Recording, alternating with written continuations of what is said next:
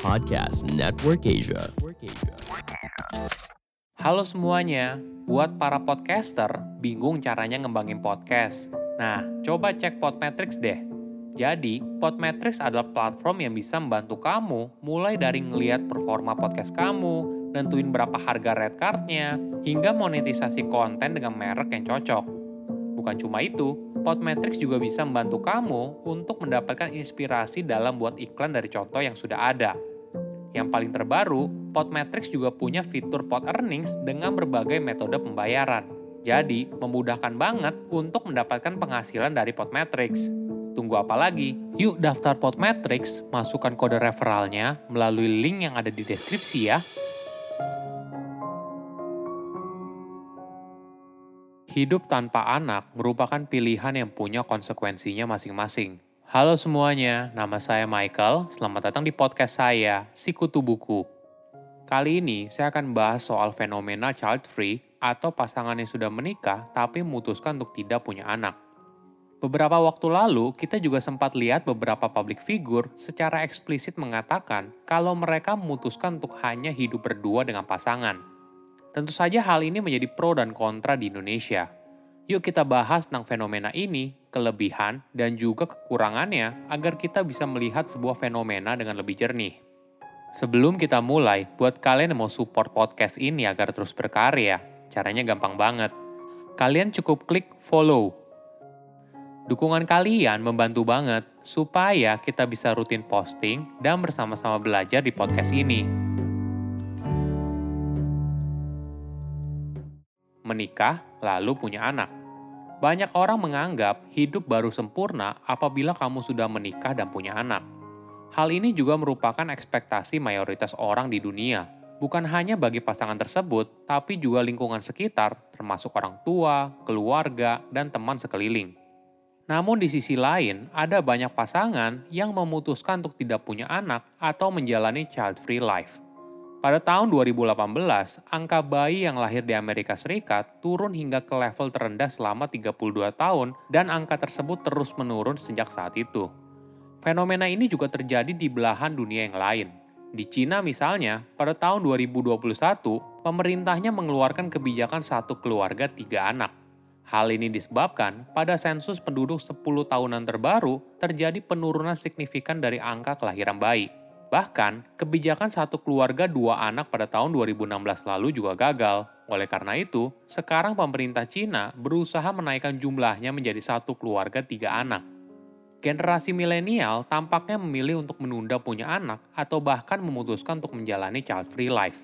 Ditambah lagi, pandemi COVID-19 sepertinya menguatkan keputusan mereka. Masih ingat pada awal pandemi, banyak ahli memprediksi akan kemunculan corona babies boom – Artinya, banyak bayi yang dilahirkan saat pandemi.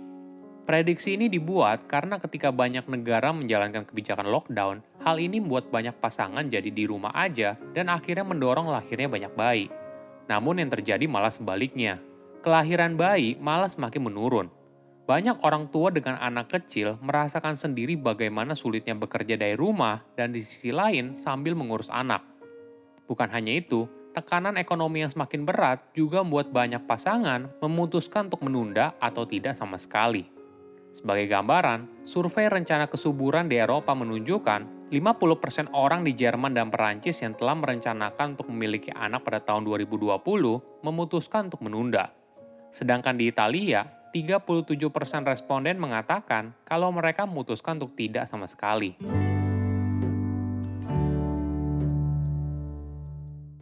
Kenapa seorang memutuskan untuk menjalani hidup pernikahan tanpa anak? Setiap pasangan tentu punya alasan yang berbeda.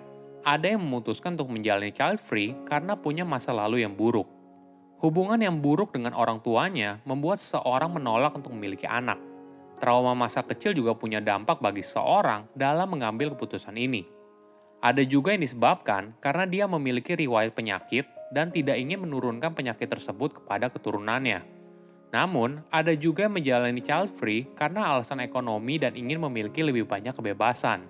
Kondisi ekonomi yang sulit dan hidup pas-pasan membuat beberapa pasangan menunda untuk memiliki buah hati atau bahkan tidak sama sekali.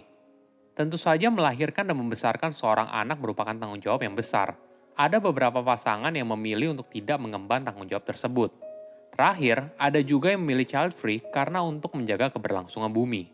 Mereka beranggapan dunia saat ini sudah terlalu padat sehingga berdampak buruk bagi bumi yang kita tinggali. Ada fakta yang menarik. Bukan hanya generasi milenial yang punya pandangan untuk menjalani child free life, bahkan generasi Z mulai punya pandangan yang serupa.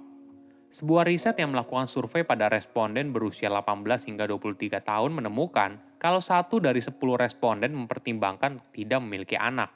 Seorang wanita berusia 23 tahun bernama Mari mengatakan kalau dirinya memutuskan untuk tidak memiliki anak karena merasa kalau dirinya tidak mampu secara finansial. Sebagai gambaran, pekerjaannya di panggung teater sangat terdampak pandemi COVID-19 Awalnya, Mari kecil ingin punya anak, namun ketika dewasa pemikirannya berubah, dan ditambah lagi krisis ekonomi COVID-19 yang membuatnya di PHK. Riset yang sama juga menemukan dua kali lipat jumlah pria daripada wanita di semua kelompok umur mengatakan kalau mereka mempertimbangkan untuk tidak memiliki anak sehingga mereka bisa pensiun dini.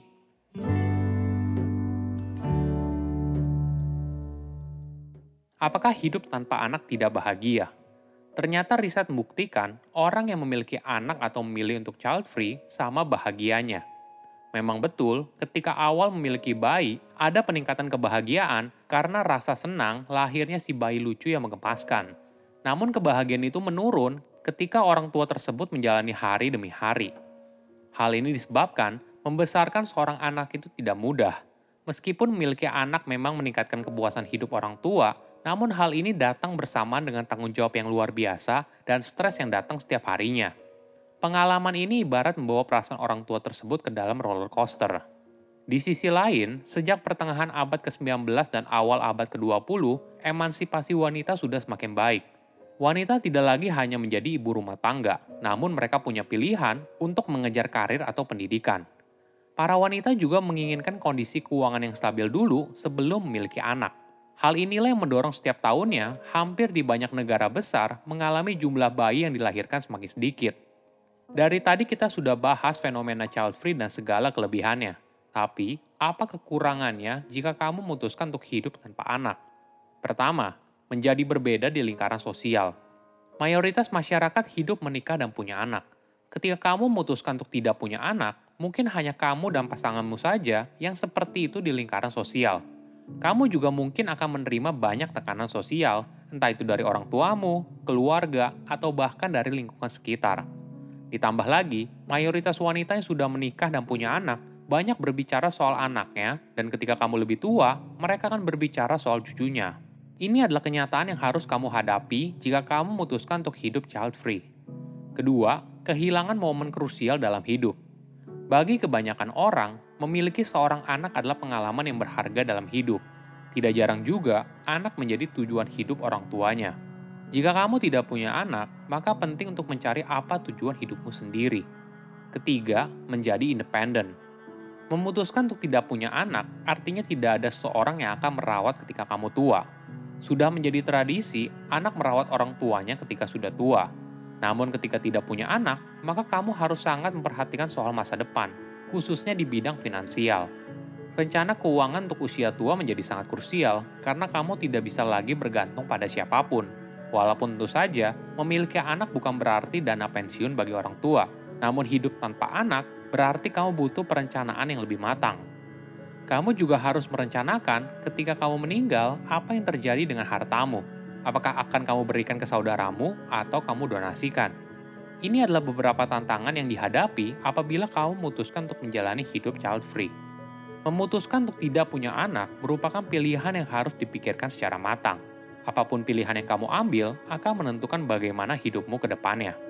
Saya undur diri, jangan lupa follow podcast Sikutu Buku. Bye-bye. Pandangan dan opini yang disampaikan oleh kreator podcast, host, dan tamu tidak mencerminkan kebijakan resmi dan bagian dari podcast Network Asia. Setiap konten yang disampaikan mereka di dalam podcast adalah opini mereka sendiri dan tidak bermaksud untuk merugikan agama, grup etnik, perkumpulan, organisasi, perusahaan, perorangan, atau siapa pun dan apa pun.